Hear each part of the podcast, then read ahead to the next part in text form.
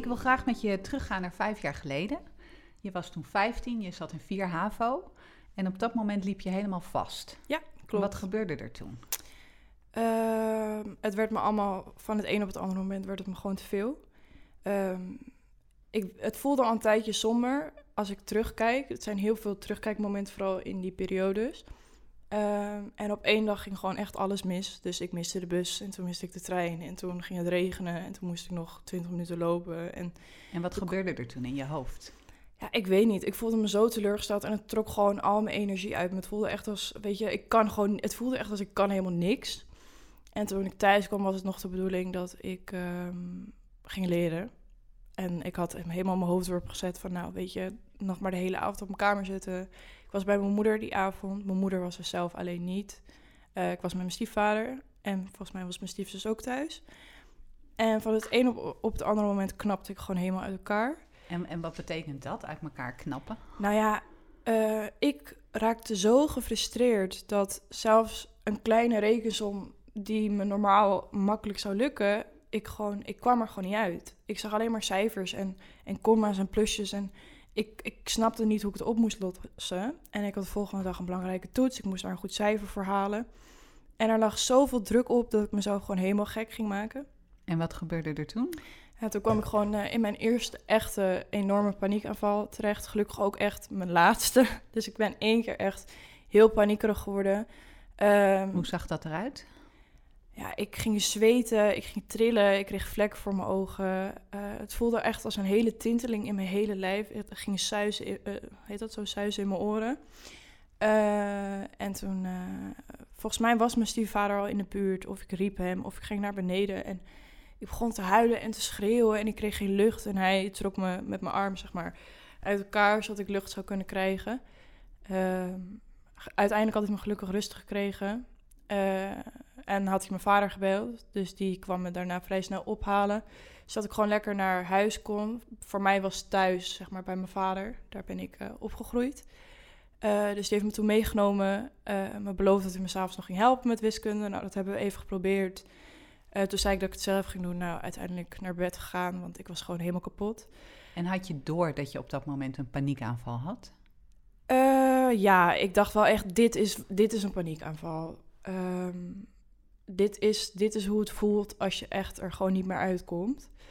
maar dat eh, stelde je niet gerust op dat moment? Nee, het stelde me niet gerust. Ik dacht wel, uh, het ging gewoon van kwaad naar erg. Weet je wel, het, het lukte niet, uh, raakte in paniek. ik dacht ook echt, alles omheen ging dus zuizen en ik zag vlekken. Ik dacht, nou, wat is dit, weet je wel? Het voelde echt als iets wat ik nog nooit had ervaren zo erg. Ehm, had je wel eerder al dat soort angstklachten gehad? Nou, ik had wel eerder... Ik was heel slecht in economie. Economie was echt mijn slechtste vak op school. En ik had wel vaker dat ik dan tijdens een toets een soort blackout kreeg. En dat ik dan wel datzelfde gevoel van zweten en een beetje paniekerig worden uh, kreeg. Maar dan ging ik eigenlijk gewoon het lokaal uit. En dat waren voor mij dus ook al wat tekens dat ik uh, er niet uitkwam. Maar, maar dan, zakt het vanzelf Ja, dan zakte het vanzelf weer weg. Dan was het gewoon even een rondje gaan lopen... en gewoon accepteren dat ik het in een herkansing nog een keer zou moeten doen... of gewoon geen goed cijfer zou halen. En ik had het er ook al met mijn economiedocent over gehad... dat ik gewoon heel veel moeite had met het vak. Dus daar lag wel een soort van geruststelling... dat als ik er niet uit zou komen... dat ik gewoon een soort tweede kans daarvoor kon krijgen. Maar toen ik merkte dat het ook met andere vakken gewoon niet wilde lukken... terwijl uh, in de periodes daarvoor was ik echt goed op school, weet je. Ik haalde altijd goede cijfers. Ik merkte gewoon dat, het, dat er ergens... Het zat gewoon te vol in mijn hoofd. En toen ben ik dus wel nog de volgende ochtend naar school gegaan. En het eerste, na het uur, eerste uur levensbeschouwing, daarna zou ik die wiskundetoets hebben. Ik heb mijn vader geappt. Ik zeg, ik, ik kan het niet. Ben ik naar huis gegaan en uh, de week daarna niet meer naar school gekomen. Het begon met, ik ga vrijdag niet meer naar school. En toen lag ik letterlijk het hele weekend in mijn bed. En toen maandag voelde het nog steeds niet van ik ga naar school. En dinsdag kon ik ook mijn bed niet uitkomen. En ik denk dat dat sowieso, nou ja, de eerste week is geweest van nou, uh, het gaat gewoon even niet zo lekker. En toen ben ik natuurlijk wel weer uh, uh, in contact gekomen met school. Weet je, mijn mentor vroeg ook wel af waar ik was. En dat is ook wel het moment dat ik merkte dat er, dat er wel wat aan de hand was. En ik was niet de enige, mijn ouders hadden dat ook wel door. Um, dus toen uh, heeft mijn vader me op een, op een middag in de auto gezet. hij had me wel van tevoren gewaarschuwd van er gaat een afspraak komen met je psycholoog. En eh, ik was al eerder bij haar geweest. Ik heb al een keer eerder bij haar uh, veel gepraat. Dus zij kende mij al wel. Dat was wel een soort geruststelling. En toch de seconde dat ik binnenkwam, dacht ik, ja, daar ben ik weer. En, uh, nou, toen, toen, ik heb toen echt de eerste tien minuten heb ik gewoon gehuild. volgens mij was mijn vader er ook nog bij. Die kwam ook nog wel even wat toelichting geven over hoe het de, dagen daarvoor was geweest. En toen werd dat weer iets wekelijks. Zij, uh, zij kon al vrij snel voor mij vaststellen dat het helaas een depressie was. Ik had het al wel een soort van verwacht, maar het toch horen, dat kwam gewoon best wel hard aan. Vrij snel ging ze mij ook al in contact brengen met de huisarts voor medicatie. dus toen heb ik antidepressiva voorgeschreven gekregen. Dat was heel erg wennen, omdat dat heel erg. Ik ging daar heel erg van zweten en ik werd er heel moe van. En het remde me gewoon in heel veel dingen wel. En toen ging ik dus weer elke week naar mijn psycholoog. Elke maandag of dinsdag na mijn laatste uur school. Dus dan had ik tot half vier ik school. En dan van vier tot vijf, geloof ik, ging ik naar mijn psycholoog. Hanneke, hele lieve vrouw. Ik voelde me wel heel erg op mijn gemak bij haar, dus dat scheelde heel erg. Uh, en sommige dingen vond ik heel zweverig. En dan moest ik op een bank zitten met mijn ogen dicht. En het voelde echt als in de film. Want in de film zag je altijd mensen zo op zo'n zo'n sofa liggen. En toen dacht ik, nou, ik, ik geloof hier gewoon niet in dat ik nu moet gaan liggen met mijn ogen dicht. En dat ik in een bos loop. En dat ik een gat tegenkom. En dat er dingen in dat gat zitten. Ik snapte dat niet helemaal. Maar um, zij heeft mij wel heel veel beeldspraak geleerd. Uh, waardoor ik steeds beter ging begrijpen waar ik stond en hoe ik me voelde en waar deze depressieve gevoelens vandaan kwamen, hoe ik daarmee om moest gaan, uh, met wie ik daarover moest spreken of wie daar helemaal niks mee te maken had. Uh, en het heeft me wel ehm, stukje bij stukje geholpen om mezelf beter te leren kennen, mijn depressie beter te leren kennen en om, ja, om een beetje balans te houden. En toen je de diagnose depressie kreeg, kon je dat accepteren? Nou, uh, viel een beetje lastig, omdat uh, ik wist ergens wel dat het in, bij mij in de familie zat. Eh, mijn oom is schizofreen, al sinds dat hij een puber was. Dus ik weet niet hoe oud precies, maar voor de eerste 16 jaar volgens mij van zijn leven was het echt de hunger van school. En van het een op het andere moment kwamen de stemmen en werd hij echt geterroriseerd door de, door de stemmen in zijn hoofd. En dat had je altijd geweten, dat hij die ik, nou, ziekte als, had? Als kind snapte ik dat niet. Als kind vond ik mijn oma af en toe een beetje eng. En dan snapte ik niet waarom ik nooit de radio aan mocht zetten... of dat hij liever geen tv wilde kijken. Dat snapte ik niet. maar toen ik op een wat oudere leeftijd kwam... heeft mijn moeder me dat natuurlijk wel uitgelegd... dat hij er helemaal niks aan kan doen... En uh, ik vind het meer vervelend voor hem dan dat ik er moeite mee heb. Maar was je dan bang dat je dat ook zou krijgen? Nou, niet per se schizofreen. Uh, schizofrenie, nee, daar was ik niet bang voor. Alleen de depressieve klachten, dat komt gewoon bij ons echt een beetje uit mijn moeders kant. Uh, mijn oma, die ehm, was eh, voor een groot deel van haar leven depressief. Ehm, in fases. En die heeft zelf een einde gemaakt aan haar leven, helaas een jaar voordat ik uh, ben geboren. Mijn moeder heeft af en toe nog had gehoopt dat als ze had geweten dat mijn moeder zwanger zou worden kort daarna, dat dat haar nog hoop had gegeven. Helaas uh, heeft dat uh, niet zo kunnen zijn. En mijn moeder die heeft ook al vanaf haar zestiende terugkerende depressies. Dus ik was wel altijd al bang dat dat bij onze familie hoorde.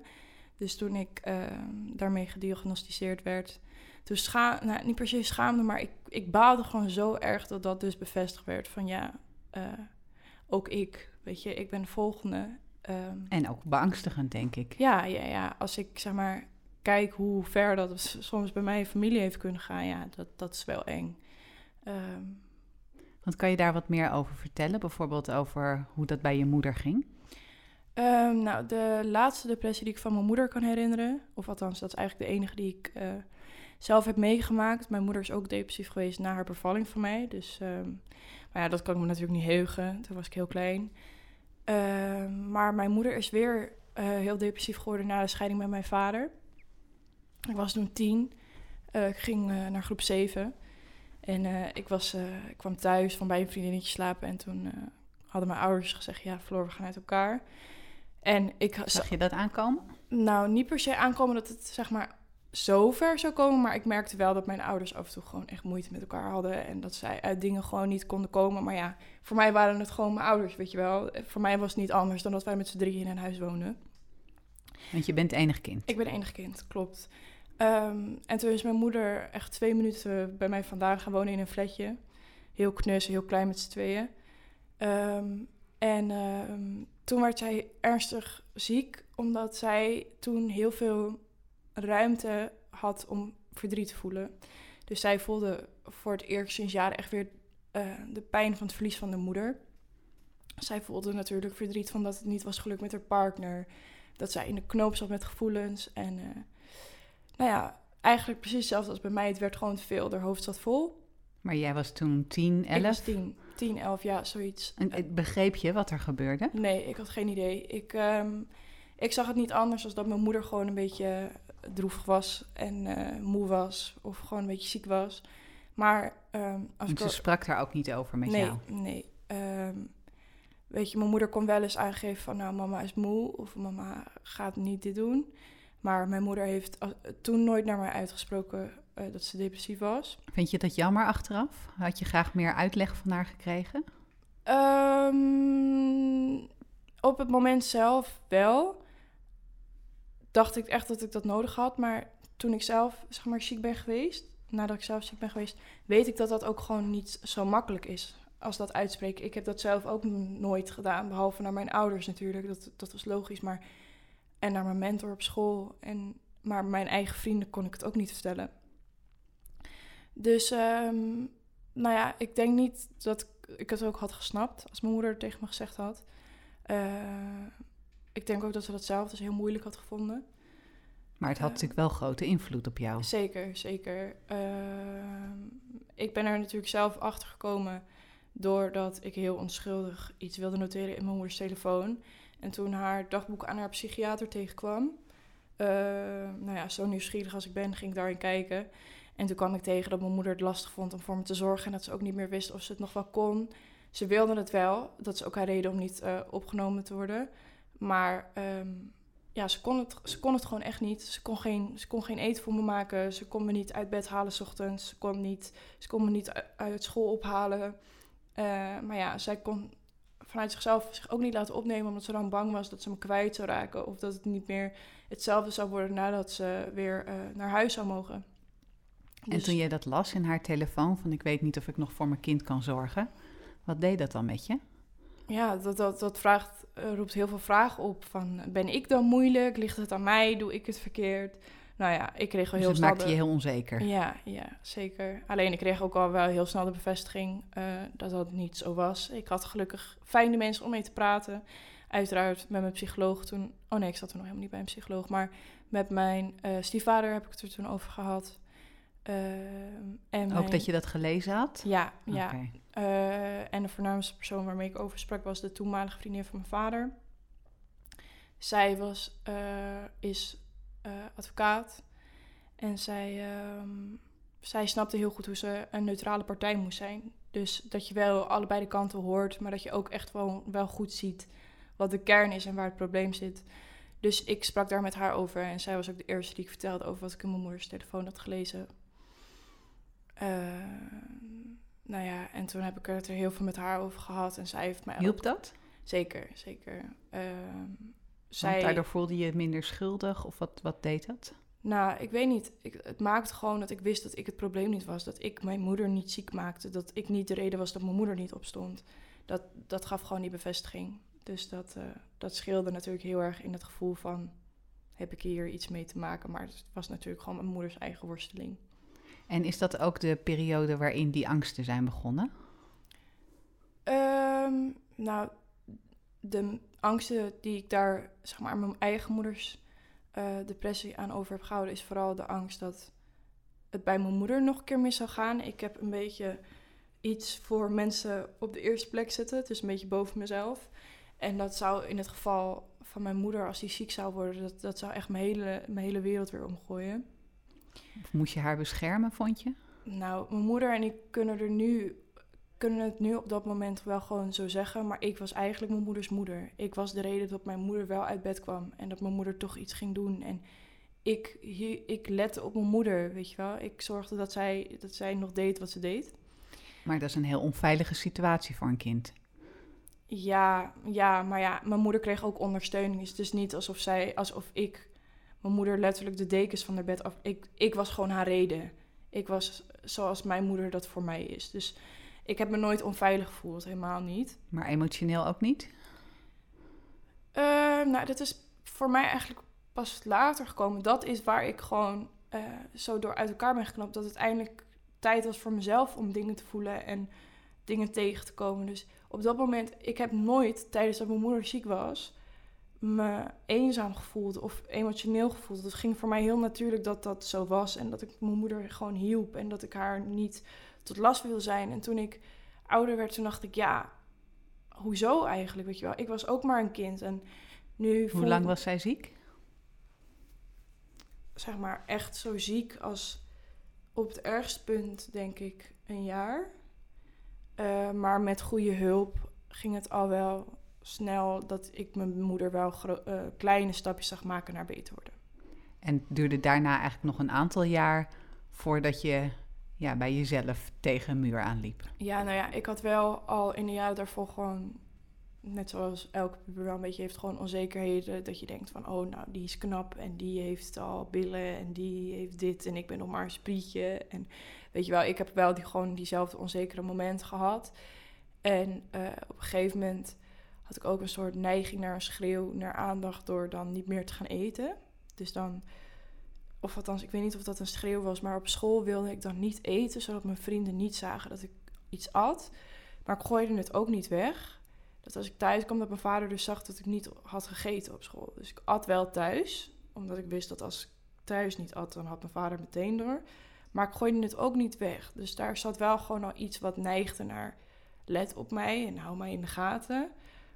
Ehm, gewoon omdat ik ook wel zocht naar dat mensen naar mij omkeken of zo, denk ik. Want dat gevoel had je dus niet, dat je ouders er ja, voor jou waren. Jawel, jawel. Alleen ik, ik was gewoon heel erg op zoek naar... Uh, als er iets met mij gebeurt, zien mensen dat ook, weet je wel.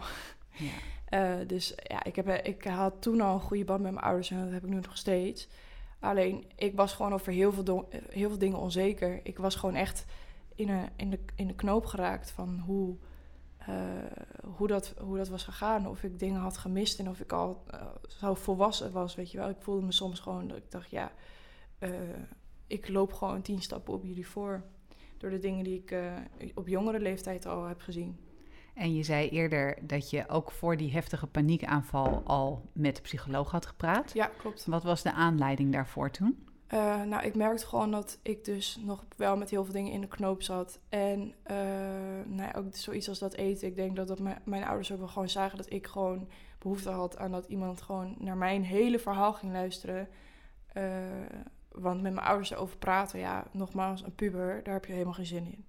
En heb dus, jij zelf het initiatief genomen dan om hulp te zoeken of was dat hun idee? dat hebben we echt wel met z'n drieën besloten. Ik ben heel open naar mijn ouders, altijd al.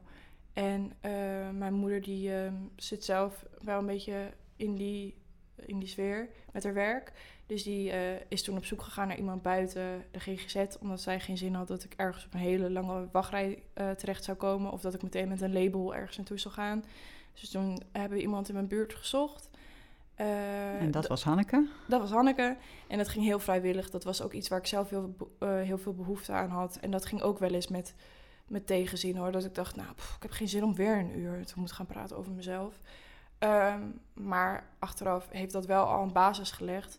Waardoor ik toen ik ziek was, eigenlijk wist zij al waar al mijn gevoelens vandaan kwamen. Ik hoefde niet nog een keer opnieuw oude koeien uit sloot te gaan halen. Want zij kende al mijn verdrietige gevoelens van toen ik jong was al.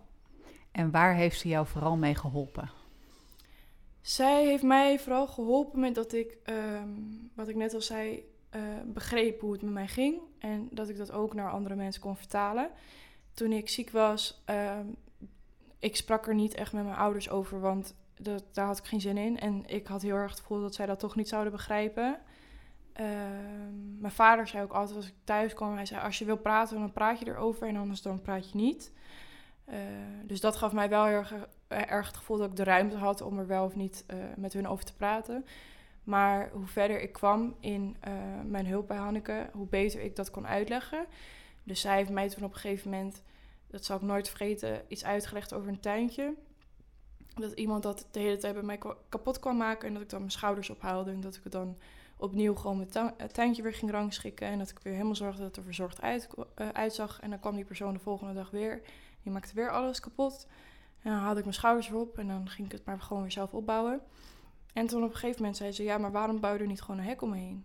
Zodat niemand jouw tuintje binnen kan komen. Want het is jouw tuintje en niemand mag dat van jou stuk maken.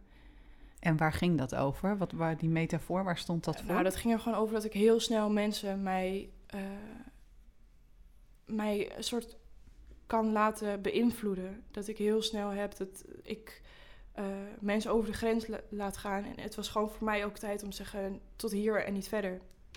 Dus, uh, nou ja. Grens aangeven. Ja, gewoon echt inderdaad een grens aangeven en een hek bouwen. Gewoon zeggen, dit is van mij en daar mag je niet aankomen. dus dat soort dingen. Of dat ik dan... Dus zij hielp je ook woorden te geven aan je gevoel. Ja, ja. Dus... En maakte dat het makkelijker om erover te praten?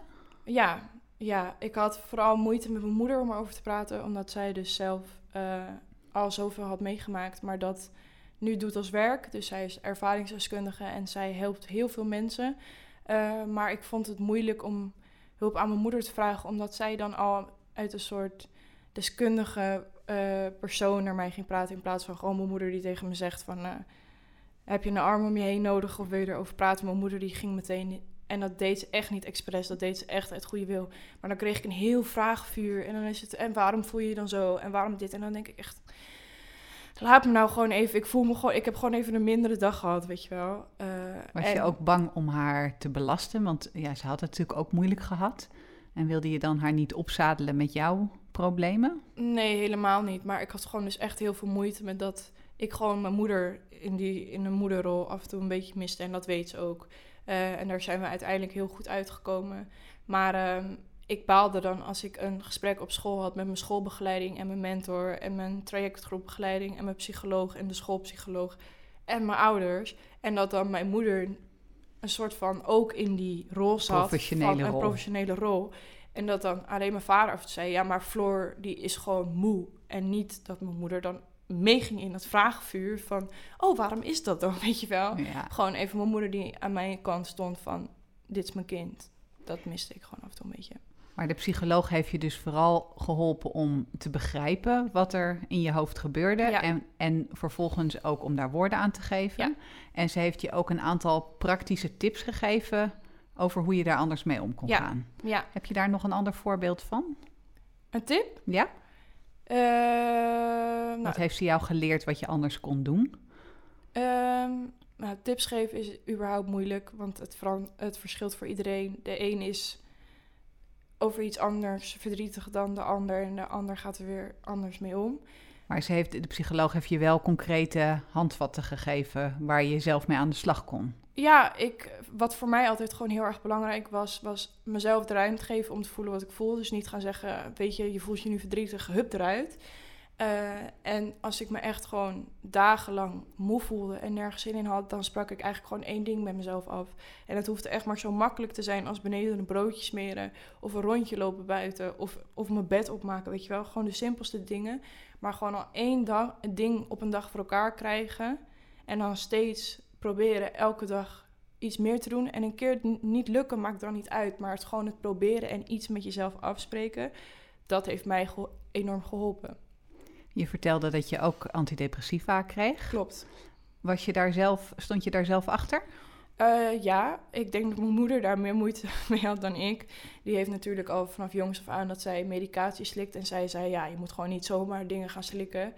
Uh, zou ik ook nooit doen. Alleen als en mijn psycholoog zegt en de huisarts zegt van... meid, wat zie je eruit? Je hebt, je hebt gewoon, weet je, ze schrijven het niet voor uh, voor niks.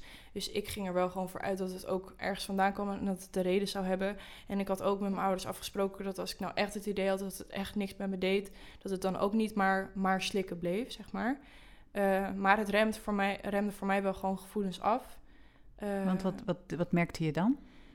Ehm, nou, ik merkte het meer toen ik ermee stopte dan op het moment zelf. Dus op het begin waren het vooral heel veel uh, bijwerkingen waar ik dan van baalde. Ik dacht, nou, ik ga stoppen, ik ga stoppen, ik hoef het helemaal niet. En wel, wat was het vervelendst? Nou ja, dat zweten. Ik vond het gewoon zo vies dat het echt gewoon van mijn lichaam afdroop. Ik vond het echt vreselijk en ik was gewoon moe. Die dingen putten me gewoon uit. Ehm, maar als ik, zeg maar, toen ik eruit kwam, toen merkte ik toch wel dat het echt wel wat deed met mijn stemming. Want toen ik stopte, toen, ja, toen schommelden mijn gevoelens echt van... ik kan me niet concentreren tot ik ben moe, tot ik voel me wel weer vrolijk... tot ik ben zagrijnig. Weet je wel, het, het heeft echt wel gewoon mijn sombere gevoelens afgeremd. Het heeft echt wel het gewoon een beetje tot één lijn getrokken... in plaats van uh, omhoog en omlaag en omhoog en omlaag. Want dat is nog beter dan dat je van, van 0 naar 100 gaat. En hoe lang heb je ze gebruikt? Ik denk iets langer dan een half jaar. En je zegt al, ehm, een psycholoog die mag ze niet voorschrijven, maar een, een arts die schrijft niet uh, zomaar die pillen voor. Ja. Um, je zat dus best wel diep op dat moment. Klopt. Uh, zag je ook niet hoe je er zelf anders uit moest komen? Nee, ik uh, heb echt wel, uh, tot, ben echt wel tot het diepste gegaan. En wat, wat betekent dat? Nou ja, ik voelde nergens meer vriendschap. Ik voelde niks meer voor de gevoelens van mijn ouders. Ik dacht dat het me allemaal niks meer uitmaakte en dat ik maar beter er niet meer kon zijn. Het voelde voor mij alsof ik niks meer toevoegde en uh, weet je, het hoefde voor mij ook niet meer. En daar heb je ook echt wel concreet over nagedacht? Hoe je ja, zeker. Ik heb echt wel uh, nagedacht van oké, okay, zou het zo kunnen, zou het zo kunnen? Of weet je wel, ik heb echt wel momenten gehad dat ik dacht, weet je, laat maar. Het, het hoeft niet. En toch zal daar voor mij gewoon, dat, dat deed me nog meer zeer zeg maar, het zeer, het, wat ik achter zou laten. Uh, dan dat ik er dus echt naar neigt van het hoeft niet. Dus toen ik merkte dat het toch nog wel iets met me deed, dat mijn ouders of wat voor wat ik zou doen met de wereld om me heen, ook al voelde het echt alsof er niemand meer was, ik kon, ik kon het gewoon echt niet. Mijn moeder was haar moeder al verloren, uh, haar kind kon er echt niet achteraan. En dat was ook de reden waarom je dacht: eh, ik ga alles dan maar aangrijpen wat ik kan. Ja. Om hier weer uit te komen. Ja, dat was echt wel een keerpunt voor mij dat ik dacht: weet je, zo diep kan ik wel zitten, maar het hoeft ook niet het einde te zijn. Um, dus toen ik zeg maar voelde dat er dus nog wel iets zat van: ik heb nog iets, ik kan het nog niet achterlaten. Dat was inderdaad wel een punt voor mij dat ik dacht: daar gaan we er ook wat aan doen. En die antidepressiva, die, uh, nou ja, die maakte het wat stabieler. Ja. Was dat dan ook, uh, gaf dat ruimte om ja, op een andere manier in je hoofd met je gedachten aan de gang te gaan? Nou, ik denk, volgens mij heb ik het er toen dus ook met mijn psycholoog over gehad van, nou, dat moment is gekomen. En zei ze, nee, nee, nee. Weet je, ze heeft het wel aan mijn ouders ingelicht. Um, maar... Je bedoelt het moment dat je echt ja, serieus ja, dacht ja. van, het hoeft niet meer. Ja, uh, dus... Um, en uh, mijn vader die was ook, kwam ook af en toe bij haar, gewoon om even een soort recap te horen van waar we het dan over gehad hadden. Dus mijn vader was van alles op de hoogte en mijn moeder natuurlijk ook wel. Um, en, maar zij zag dus ook wel hoop in dat ik dacht, nee, nee, ik wil het helemaal niet zo. Uh, dus toen zijn we eigenlijk uh, in perspectief gaan kijken. Dus dat ik eigenlijk een soort vanuit elke hoek, dat was weer een beetje iets figuratiefs, had ze overal hoepels liggen. En dan was daar de, deze versie van mezelf en daar was die versie van mezelf. En zelf stond ik in het midden en dan ging ik vanuit elke hoek ging ik naar mezelf kijken. En eigenlijk kwam het erop neer dat ik best trots op mezelf mocht zijn. Weet je, het was een les, het was een hele taaie les. Um, het was ook een soort van nodig om gewoon echt even alles te voelen. En gewoon echt om te voelen waar de, waar de zere plekken zaten. Um, maar het feit dat ik me dus al zo graag daaruit wilde komen, dat bewees al gewoon al heel veel dingen waar ik trots op mocht zijn. En dat niet weglopen hè, voor je gevoel. Ik denk dat heel veel mensen dat herkennen om dat wel te doen. Ja, zeker. Van, oh, dit is geen fijn gevoel, dat stop ik weg. Ik ga gauw even iets anders doen. Ja. Hoe, hoe heb je dat jezelf aangeleerd dat je dat wel mag doorvoelen als je verdrietig bent of bang? Um, nou ja, allereerst wegstoppen. Ik snap dat dat een soort makkelijke manier is, maar het werkt helemaal niet. En ik kan niet zeggen dat ik zelf niet schuldig ben van dingen af en toe even wegstoppen. Maar ik weet gewoon dat dat niet werkt voor mezelf. Dingen weg gaan stoppen, dat kom ik zelf alleen maar tegen. Uh, dus wat ik dan doe, uh, nogmaals mezelf gewoon echt even de ruimte geven van... wil ik hier iets mee doen of, of ga ik iets anders doen om mezelf gewoon helemaal af te leiden... Ik bel eigenlijk altijd mijn ouders als ik echt uh, tot op als ik me gewoon echt een dag niet lekker voel. Uh, mijn ouders zijn mijn allerbeste vrienden. Die zal ik altijd met alles als eerst bellen. Of mijn vriend. Mijn vriend is heel goed in het, in het beter maken van mijn dag. Um, maar als ik me echt voel dat ik van iets weg wil lopen, dan is dus het belangrijkste wat ik doe gewoon ruimte geven aan mezelf. En, en dan ga je een dag vrij nemen of hoe, hoe vul je dat in? Ruimte geven aan jezelf? Uh, nou, de, wat ik vooral merk is dat ik gewoon moe ben op zo'n moment. En dan is het gewoon belangrijk om niet mezelf nog uit te gaan putten. Dus dan kan het echt een dagje op de bank, daar is echt helemaal niks mis mee. Zolang het er niet vier, vijf of zes worden. Um, en ik dat gewoon zelf heel goed in de gaten hou. Dat een keer een dag. Ik moet. Ik leer, probeer mezelf gewoon echt aan te leren dat een keer iets dat niet lukt, of een keer iets wat verdrietig voelt, of een keer. Dat maakt helemaal niet uit. Weet je, ik hoef daar niet, de wereld niet. Ik hoef daar niet bang voor te zijn. Elk mens is een keer verdrietig over iets. Elk mens gaat op een eigen manier met iets om. En dan kan ik wel uh, vergelijken met iemand anders van, oh, maar die kan er geen traan om laten. Ja, dat maakt helemaal niet uit. Dat is hoe die persoon ermee omgaat. En dat ik een keer van iets te neergeslagen kan zijn of me ergens somber over kan voelen, al is het voor twee dagen, dat maakt helemaal niet uit. Als ik maar zelf heel goed in de gaten hou, dat dat niet te ver gaat. En dat als ik wel voel dat het te ver gaat, dat ik er dan iets mee ga doen. En hoe voel je dat? Hoe ik dat voel? Nou ja, de laatste keer dat ik me echt dacht van, nou, ik kom hier niet uit, was echt wel in die coronaperiode dat iedereen thuis zat. Uh, toen dacht ik echt, nou, wat is dit? Ik kan helemaal niet het optimale uit mijn leven halen. Ik zit alleen maar hier in mijn appartementje van 39 vierkante meter. Ik kom mijn huis niet uit. Ik kan niks doen. Uh, ik wil eigenlijk ook helemaal niks doen, want wat moet ik doen? Weet je wel, dat ik echt dacht, en daar hoe kom ik hier uit? Ja, ik dacht echt, hoe kom ik uit deze sleur van negatief en ik vind niks leuk en ik kan niks doen? En toen dacht ik, ja, maar ja, kan wel wat doen. Als ik iets wil doen, dan ga ik iets doen. Al is het een rondje lopen elke dag, of al is het hiernaast een ijsje halen. Of weet je, ehm, het, het is gewoon heel veel relativeren van is het nou echt zo erg? En zijn er ook bepaalde alarmsignalen die je bij jezelf nu heel snel herkent? Je noemde net al vermoeidheid bijvoorbeeld. Ja, vermoeidheid. Heel, en zijn er nog andere signalen waarvan je denkt, oh, nou moet ik even op gaan passen? Nou, bij mij is het echt voornamelijk echt inderdaad vermoeidheid. Want bij vermoeidheid ga ik ook om alles huilen. Dan hoeft het echt maar een, een mijn vriend die, weet ik veel, de bril omhoog laat staan, hoeft het te zijn. En dan denk ik echt, ach, ga ik al bijna huilen, word ik al helemaal gefrustreerd van waarom, waarom gebeurt dit? Dan zijn het gewoon de kleine dingen waarvan ik echt denk, oké, dus nu is gewoon echt het moment om even niks te doen al ga ik mandala's kleuren of zo, dan moet ik gewoon even, even rust gaan doen. En dan dus niet kritisch voor jezelf te zijn, maar jezelf dat ook te gunnen. Ja. En je hebt jezelf dus wel heel goed leren kennen, zo te horen. zeker, zeker. Ik ben ehm, voornamelijk achteraf heel trots. Ik uh, ben er sterker uitgekomen, ik ben er volwassener uitgekomen. Ik ken mezelf heel goed. Ik weet wat ik in de gaten moet houden en ik weet waar ik me niet druk over hoef te maken ik weet met wie ik erover kan praten en wie er voor me zijn als het echt nodig is. Dus. En hoe ik lief voor mezelf moet zijn, dat is vooral heel belangrijk. Dat ik gewoon uh, lief voor mezelf ben. Heb je ook contact met lotgenoten gezocht afgelopen jaren? Um, nee, ik heb er wel over nagedacht. Uh, ook omdat mijn moeder natuurlijk uh, ook me dat wel aangeraden heeft. Die heeft zelf heel veel gedaan met lotgenootgroepen.